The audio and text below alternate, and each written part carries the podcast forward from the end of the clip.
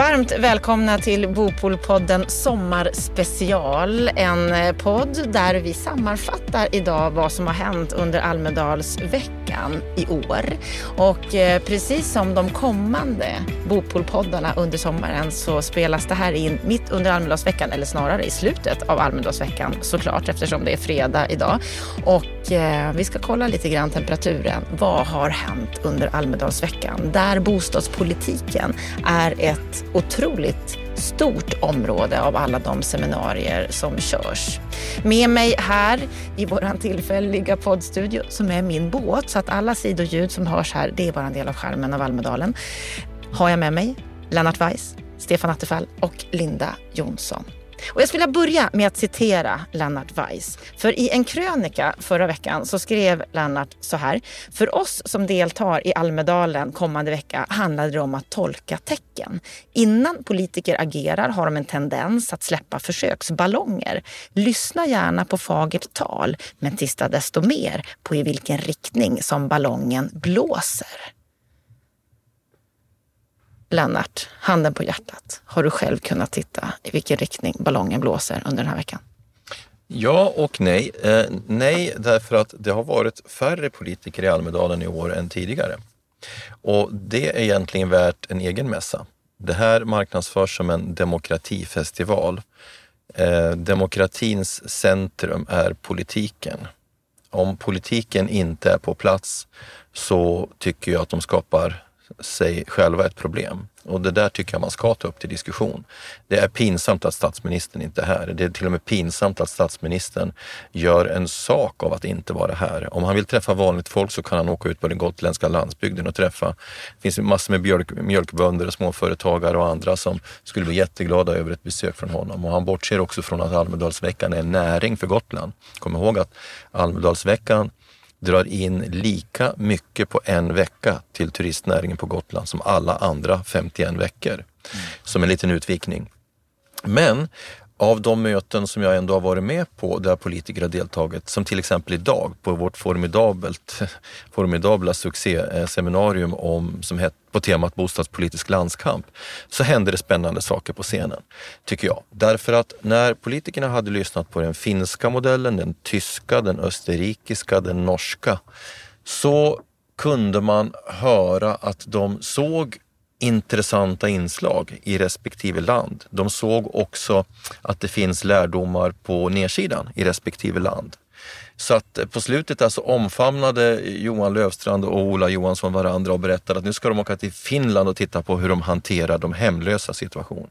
Och de skulle åka till Tyskland för att se hur man hanterar hyresmarknaden och de skulle åka till Norge för att liksom titta på hur man formulerar en ägarpolitik. Och det var något, på något vis ett konsensus, en, en konsensus runt att vi ska hitta det bästa ur olika modeller och integrera det med de grunddragen som finns i Sverige.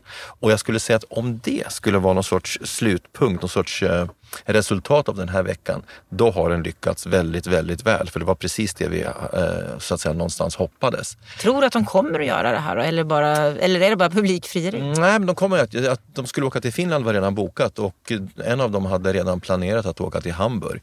Så att eh, det kommer säkert att bli av.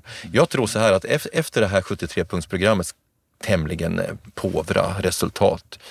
Vi fick ju till och med veta, bekräftat här, att de var ju inte med i samtalen. Så att på något vis så friskriver de sig från det där resultatet. Vilka var inte med i samtalen? Ola Johansson eh, och eh, Johan Lövstrand. Ola Johansson och Johan Lövstrand som båda är bostadspolitiska talespersoner. Det är i sig jätteintressant att de inte var med. Så vilka var egentligen med kan man ju undra. Men, men, men det, det, märks ju att de känner ju att verkligheten tränger sig på. Någonting måste göras. Och eh, de kvitterade mot varandra också att det behöver, 73-punktsprogrammet behöver följas av bostadspolitiska samtal. Så på något vis så spelade ju Ola bollen till Johan. Se för fan till att det blir samtal så kommer vi dit och tar nästa steg. Så jag måste säga att jag är, jag är jättenöjd eh, med att bara se en sån sak. Det är bara liksom en ögonblicksbild. Va? Men det är ju precis det där man önskar som arrangör av ett seminarium. Att det ska hända sådana saker. Stefan Attefall, du var med på samma seminarium. Delar du känslan? Jag är, jag är inte lika eh, positiv och kanske nöjd just på slutresultatet. För jag tycker ändå att har man hållit på så här länge med de här diskussionerna så borde man kommit längre i att lära av andra länder. Jag menar, det är inga nyheter det här. Men det jag tycker, om vi tar det seminariet som ett utgångspunkt för att det är ett tema man ser som växer mer och mer i bostadspolitiska debatten är ju hållbarhetsfrågorna. Förut var det mycket fokus på miljö och energieffektivitet. Nu är det social hållbarhet. Och det som var intressant med de här genomgångarna med andra länderna, det var just detta att man har ju faktiskt mer ambitioner, både i, i statliga kronor men också i antalet åtgärder med social bostadspolitik i de andra länderna. Det kan vara bosparande, det kan vara stöd till ägarmarknaden, det kan vara stöd till hyresmarknaden, det kan vara social housing-modeller. Ja, du kan diskutera vilka metoder du vill ha, men det finns ambitioner. Och det borde man ju ha lärt sig mycket mer av. Och, och jag ställde ju också frågan som moderator på det här seminariet till till både Ola Johansson och Johan Löfstrand att eh, jaha, men alla länder har ju, har man marknadshyror, då har man också någon typ av social housing lösning i någon form. Men i 73-punktsprogrammet finns ett steg mot marknadshyror, framför på nyproduktion. Men det finns ingenting om några sociala ambitioner. Alltså varför? Och då fick jag svaret, ja men vi borde ha en social utredning. Alltså, så att först börjar man införa social, marknadshyror, sen tillsätter man en utredning jag tycker att eh, man kan önska mer, men jag håller med Lennart om att det, självklart är det bra om det börjar röra på sig. Och nu ska inte de här två personerna ta skulden för bristerna som hela politiska systemet har. Eh, för de har ändå alla ambitioner och, vara, och är närvarande i diskussionen. Men jag håller helt med om att det är faktiskt dåligt med närvaro från mycket av det politiska etablissemanget och delta och ta diskussionen. Man ser ju också att det är svårt att få politiker till vissa diskussioner som är lite obekväma. Men sagt var en spännande vecka har det varit och det har varit mycket bostadspolitik, det håller jag helt med om. Och eh, mycket är på temat hur ska vi få en bättre social hållbarhet i bostadspolitiken. Mm, får jag göra en uppföljande kommentar om det där med politiker som, som inte är närvarande? I måndags så släppte vi en rapport och det kanske vi kommer tillbaka till. En, eftersom vi, vi fick in en artikel på DN Debatt så uppstod ett mediaintresse. Rapport intervjuade mig. Men det ligger ju liksom i hela den mediala logiken att ska det bli ett inslag så måste det ansvariga statsrådet svara. Och han valde att inte kommentera, han valde att hålla sig undan. Det, det är liksom en illustration på hur politiken agerar idag. Man väljer arenor och situationer där man får sända på egna villkor och där man styr formatet. Men det är inte det som är politik. Politik är konflikt, det är konfrontation, det är att bryta meningsskillnader eh, eh, det är alldeles för mycket PR-konsulter som, som styr statsråden idag och, och med syfte att riskminimera. Men det är inte det som är politik. Du måste våga sticka ut hakan och kliva in på arenor där du inte har färdiga svar om, om man liksom ska tjäna politikens bästa syfte. Men är det här specifikt för Almedalen? Det, är det någonting som vi kan se generellt ja, i debatten? Ja, men det är, det är en generell utveckling och den har tilltagit väldigt mycket under senare år. Och det är dags att ta en diskussion om det. Därför att, jag menar, eh, om man går tillbaka till min första kommentar. Almedalen startades av slump av Olof Palme som semestrade på Fårö. Och, och går in på Almedalens hemsida så är det liksom den bilden som ligger som, som första bilden.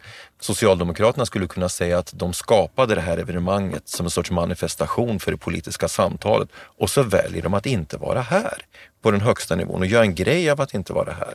Det är genant. Linda Jonsson, vad är dina intryck och reflektioner efter Almedalsveckan? Nej, men jag har funderat lite kring eh, vad, vad vi har pratat om och sådär. Och det, jag tycker det är intressant att se att ja, men vissa frågor återkommer.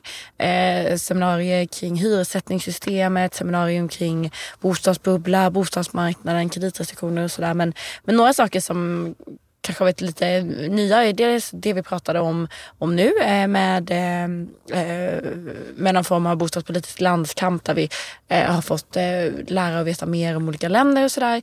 Men ett annat seminarium som jag också kan tycka är värt att, att, att lyfta fram som jag också hade stor behållning utav var ett seminarium som handlar om, om, om bostadsformer mellan hyrt och ägt boende och, och insteg till, till, de, till ägt boende.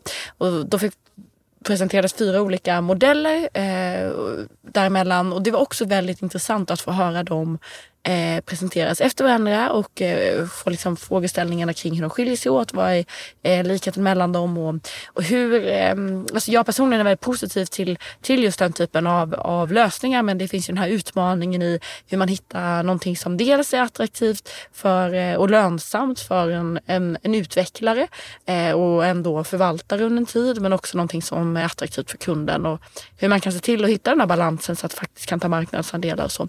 Så det var också ett väldigt intressant eh, seminarium. Just det här att man hittar hybridlösningar, att vi behöver inte bara bo i hyresrätt eller bostadsrätt utan det finns lösningar där mittemellan. Det finns ju fler och fler mm. sådana alternativ. Tror du att de kommer att ta plats på marknaden? Alltså jag, jag, jag, ser just den utmaningen mellan lönsamhet å ena sidan och attraktivitet hos kunden på andra sidan. Eh, och dessutom så ser jag också utmaningar i eh, just att man måste ha, alltså det måste ändå ha en så pass stor potential att man också ser till att lagrum och så vidare anpassas så att det blir en stabil produkt på det sättet. En annan utmaning är ju också det här kring hur eh, man förklarar rent pedagogiskt för kunden. Eh, I och med att det fortfarande, oavsett då att det här kanske syftet då är att det ska vara lägre trösklar och lägre insatser, är fortfarande väldigt mycket pengar för en individ.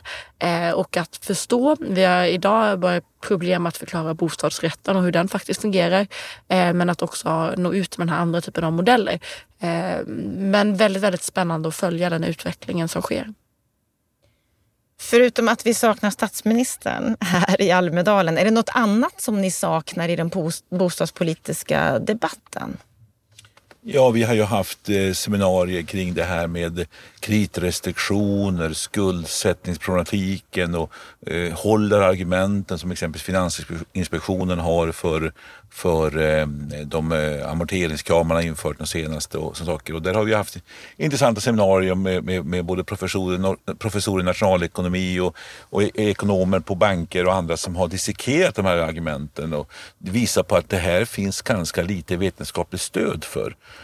Eh, åtminstone att gå så långt som man har gått i Sverige. Och eh, det har ju varit en intressant diskussion. Men där saknar man också att myndigheterna kommer hit men också att politiken kommer hit och försvarar och förklarar. Eh, jag tycker också att de ligger ganska lågt i att delta i den offentliga diskussionen och förklara sina ska säga, argument och hur de grundar dem. Så. Och det här tycker jag är ett problem att vi får en, en och där har vi varit inne på detta att myndigheterna på något sätt får i delegation att sköta mycket av finansieringen av bostäderna och politiken back backar undan lite grann. Så man saknar ju lite grann att politiken kliver fram, tar ansvar. Så här vill vi ha det och så här är det och vi är inte framme men vi vill dit. Den debatten förs inte på högsta nivå, tyvärr. Ja, instämmer men med något undantag. Det, om man ska försöka vara lite positiv så det är ingen tvekan om att eh, att, att det faktum att KD har skrivit ett eh, heltäckande bostadspolitiskt program här under våren, att man har en vice partiledare och tillika ekonomisk talesperson i, i, i, i Jakob Forssmed, det, det, är liksom en, det är en förändring mot förr. Vi hade liksom ingen politiker på den nivån som engagerade sig i de frågorna. Ja, eh, det, det, det, det låter möjligen som ett, eh, en, en ironisk släng till andra, men han är ju Sveriges främsta bostadspolitiker idag. Eh, men jag tycker det är positivt därför att det utövar ett tryck, dels mot borgerligheten i stort, men, men förhoppningsvis in i det politiska systemet också. Och så är det ju så att till slut så, jag menar politiker kan låtsas göra saker ett tag. Man kan vidta en massa symbolpolitiska åtgärder och, och upprätthålla någon sorts fasad, men till slut så rämnar det. Och det börjar nog bli ganska nära nu. va. Och eh, då kommer också trycket på att eh, hitta, sök, hitta, finna alternativ. Det finns ju tryck från, från myndigheterna, alltså jag tänker på Boverket, om att eh, eh anamma någon sorts social housing-lösning. Det finns ett tryck från andra om att anamma marknadshyressättning eh, och så vidare.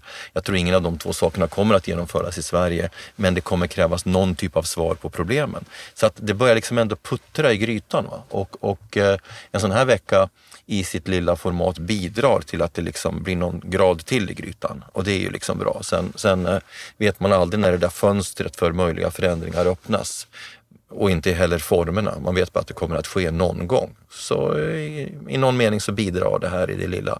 Jag menar, vad vi håller på med förutom att vi träffar varandra och utbyter åsikter, vi utbildar ju när vi själva går på seminarier och får massa intryck så utbildar vi oss själva, vi utbildar andra.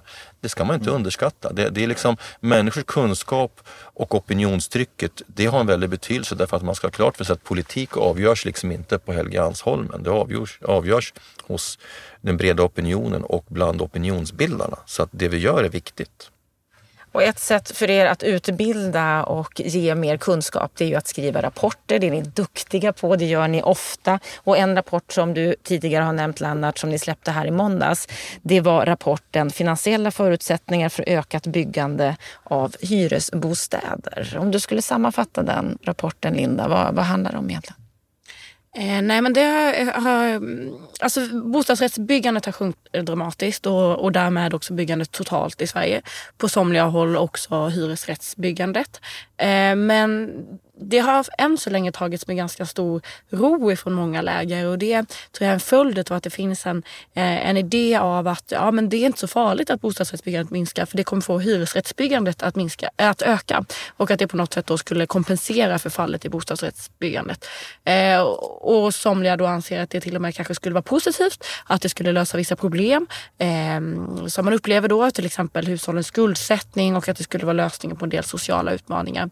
Eh, och det där ifrågasätts då i rapporten och eh, det har vi då undersökt eh, och eh, kan då konstatera att, att, att så inte är fallet. Att, att hyresrättsbyggandet har inte den potentialen att kunna öka dramatiskt och på det sättet kompensera. Så att det ställer också frågan till politiken att okej, okay, men bostadsrättsbyggandet faller, hyresrättsbyggandet faller på vissa håll och kommer inte att kunna öka och kompensera. Vad tänker ni? Vad, vad vill ni göra? Och det är väl lite den frågan vi ställer. Och jag, jag har ju varit tidigare varit, varit bostadsminister och jag måste säga en sak att har man fått den här typen av analyser i sin hand när man var ansvarig och få, det här helhetstänket. Alltså, vad klarar hyresmarknaden av? Både att leverera i form av de hyresnivåer som blir aktuella men också finansiellt utrymme och sådana saker. Då har man ju fått en känsla över, jaha, vi måste ratta i andra spakar mera.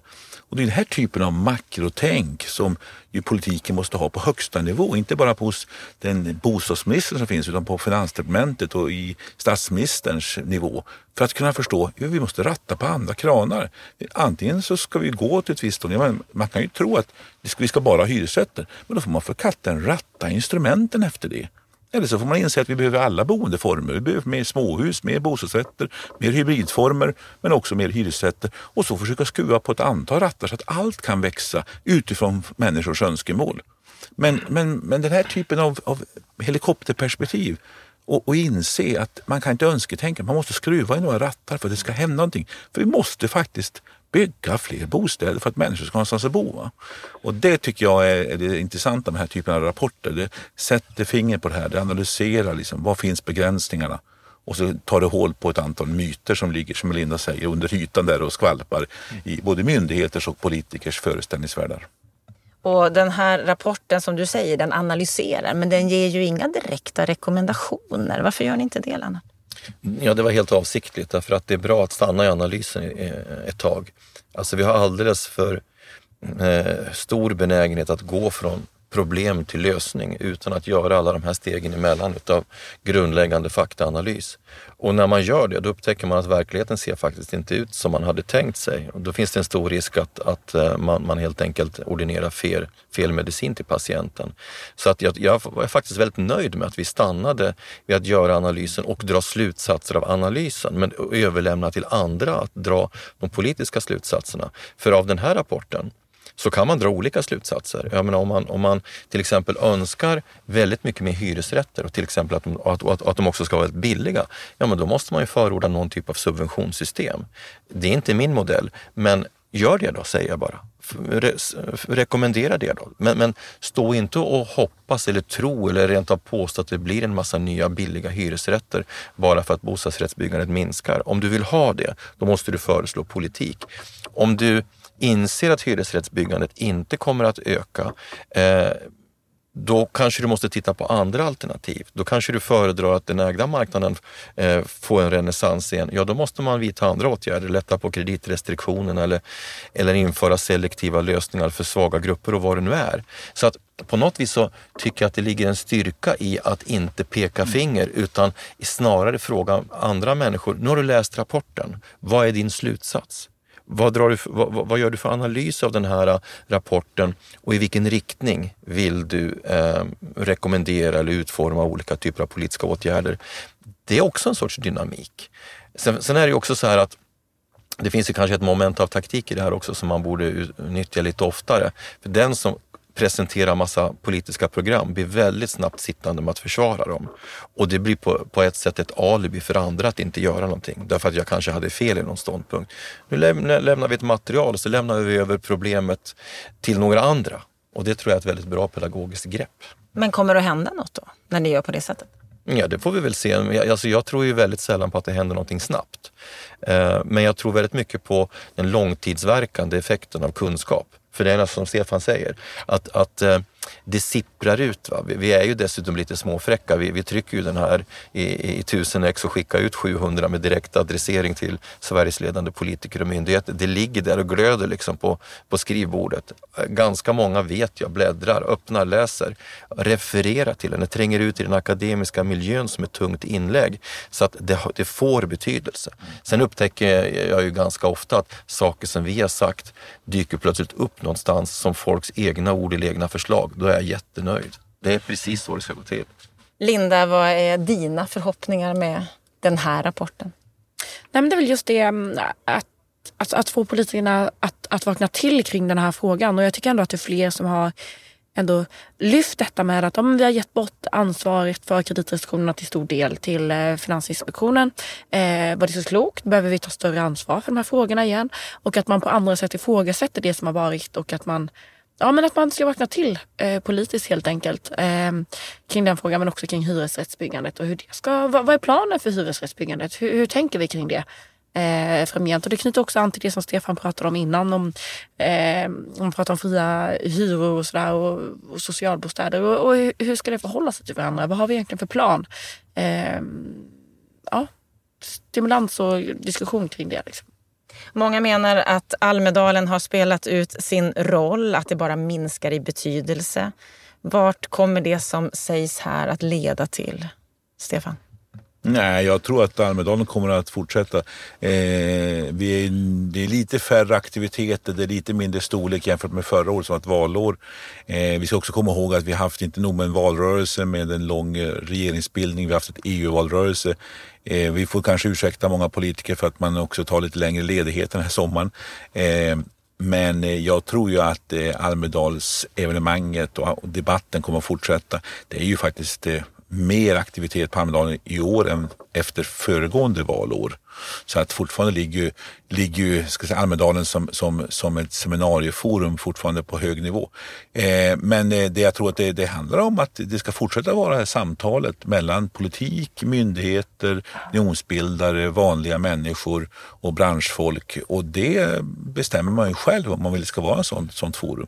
Men flyr man diskussioner från ansvarigt håll då kommer man ju att döda intresset. Men deltar man, och just det som var, tycker jag, Almedalens styrka många, många år, och jag tror fortfarande det finns kvar mycket av det, att det blir lite annat tonläge här på Almedalen. Det är mer resonerande, mer idéburet, mindre av ska vi säga, partipolitiska låsningar som det kan vara i en valrörelse.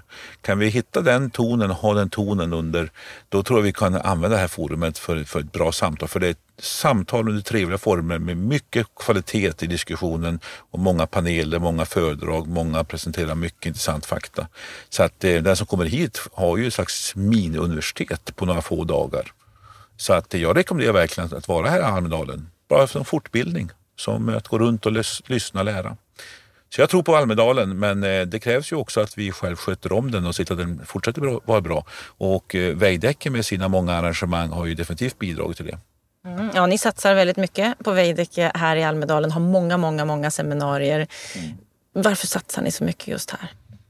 Ja, det finns flera samverkande motiv, men faktum är att vi insåg inte Eh, de olika aspekterna av den här satsningen förrän vi hade varit här i några år. För jag kan vara ärlig och säga att det här är en blandning av opinionsbildning, eh, business, relationsmarknadsföring, eh, pepp och stimulans eh, och uppmuntran av, gentemot våra egna medarbetare och så vidare. Och, och, det fyller alla de syftena. Jag menar, vi, vi är alltså bara från Veidekke ungefär 40 personer här och sen några från våra dotterbolag. Det är nog bara Skanska som kan mäta sig med det i branschen vi vet att de som har varit här kommer hem med mycket energi, många eh, nya idéer och impulser för de deltar ju faktiskt inte bara på våra arrangemang utan väldigt mycket på andras arrangemang och det tycker vi är bra, det uppmuntrar vi. Men för vårt vidkommande, vi säger ju så här att vi vill vara en, en samhällsaktör. Vi, vill, vi brukar säga att vi, vi, vi lever av tillväxten, då måste vi bidra till ett, till ett samtal som leder till ytterligare ekonomisk utveckling. Så på det sättet så, så, så är det en samhällsinsats. Att, att liksom ett, bjuda på, erbjuda arenor för samtal. Men i förlängningen av det så får du liksom ett antal affärsrelationer. Vår affärsorganisation är här och drar nytta av det här dragsuget som vi skapar kring våra event. Och de träffar massor med människor, utbyter kontakter. Jag vet erfarenhetsmässigt att många affärer som senare har signats i Stockholm eller i Göteborg eller i Lund har startat som ett samtal här. Så att eh, den investering vi gör i Almedalen, den ser vi som, som affärsmässig nytta, men också nytta utifrån vårt samhällsengagemang, vårt, vårt samhällskapital, eh, vår samhällskapitalinvestering. Så att eh, det fyller många olika syften. Och, och eh, jämför jag kostnaden för, för de, de här dagarna med andra marknadsinvesteringar det är ju småpengar jämfört med vad det ger tillbaka. Det, det, det, finns så mycket annat som vi gör annars som absolut inte har någon synlig payback, men det här ger väldigt mycket synlig eh, återkoppling på olika sätt. Så ni kommer att vara kvar här, kommer Almedalen att vara kvar som företeelse? Eh, absolut, det tror jag. Alltså, den har ju förändrats under den tiden den har funnits och kommer nog att fortsätta förändras, men på ett eller annat sätt. Och de närmsta åren så tror jag ändå att det kommer att, eh, att bestå. Ja, de närmsta åren kommer det bestå och eh, det finns mycket kvar att göra. Ja, men jag tror definitivt att Almedalen kommer att bestå. Jag skulle vilja säga så här. Tänk om vi kunde ha tiotals, femtiotals lokala, regionala Almedalen. Därför att Sverige är liksom stuprörens land. Det, det, det, är alldeles för, för att vara ett så litet land som vi är så finns det alldeles för täta skikt mellan myndigheter, politik, näringsliv. Den här sortens arena, den skär rakt över linjen. Det är det som är liksom hela poängen. I alla andra sammanhang så pratar sig politiker varma för det civila samhället, kraften underifrån. Att vi är en liten, att vi är en samförståndsdemokrati där vi pratar med varandra, parter som möts i sammanträdesrum, kompromissar. Allt det där som vi hyllar i andra sammanhang manifesteras ju här. Så för Hälsefyr, se till att det förnyas eh, och få ny kraft. Almedalen kommer finnas eh, i framtiden också, men det kanske byter form på något vis. Ehm, men det fyller definitivt ett viktigt syfte. Ja, jag håller helt med och jag tror att det finns en eh, stor anledning till att, är så att man har en ska säga, publik eh, form i form av tv-sändningar, partiledartal exempelvis, men också mycket seminarier där många olika deltar. Och tjusningen är just att när civilsamhället kan ha massa aktiviteter här ihop med både näringslivsorganisationer och branscher och eh, andra institut. Så jag tycker att Eh, Eh, det här är en form som är spännande och trevlig faktiskt och det sker också en trevlig miljö. Det ska man inte underskatta som en positiv faktor för att det här har livskraft. Ja, Bopolpoddens experter de är överens. Almedalen fyller en viktig funktion och vi får se vad samtalet mynnar ut i under året som kommer. Det som det har lett till just här och nu, det är att jag har träffat en del riktigt intressanta profiler. Så att under hela sommaren så kommer du att få nya avsnitt av Bopolpodden varje vecka som har spelats in här i min lilla trimaran. Så vi hörs under hela sommaren. Och fram tills nästa vecka så önskar jag dig en riktigt skön vecka.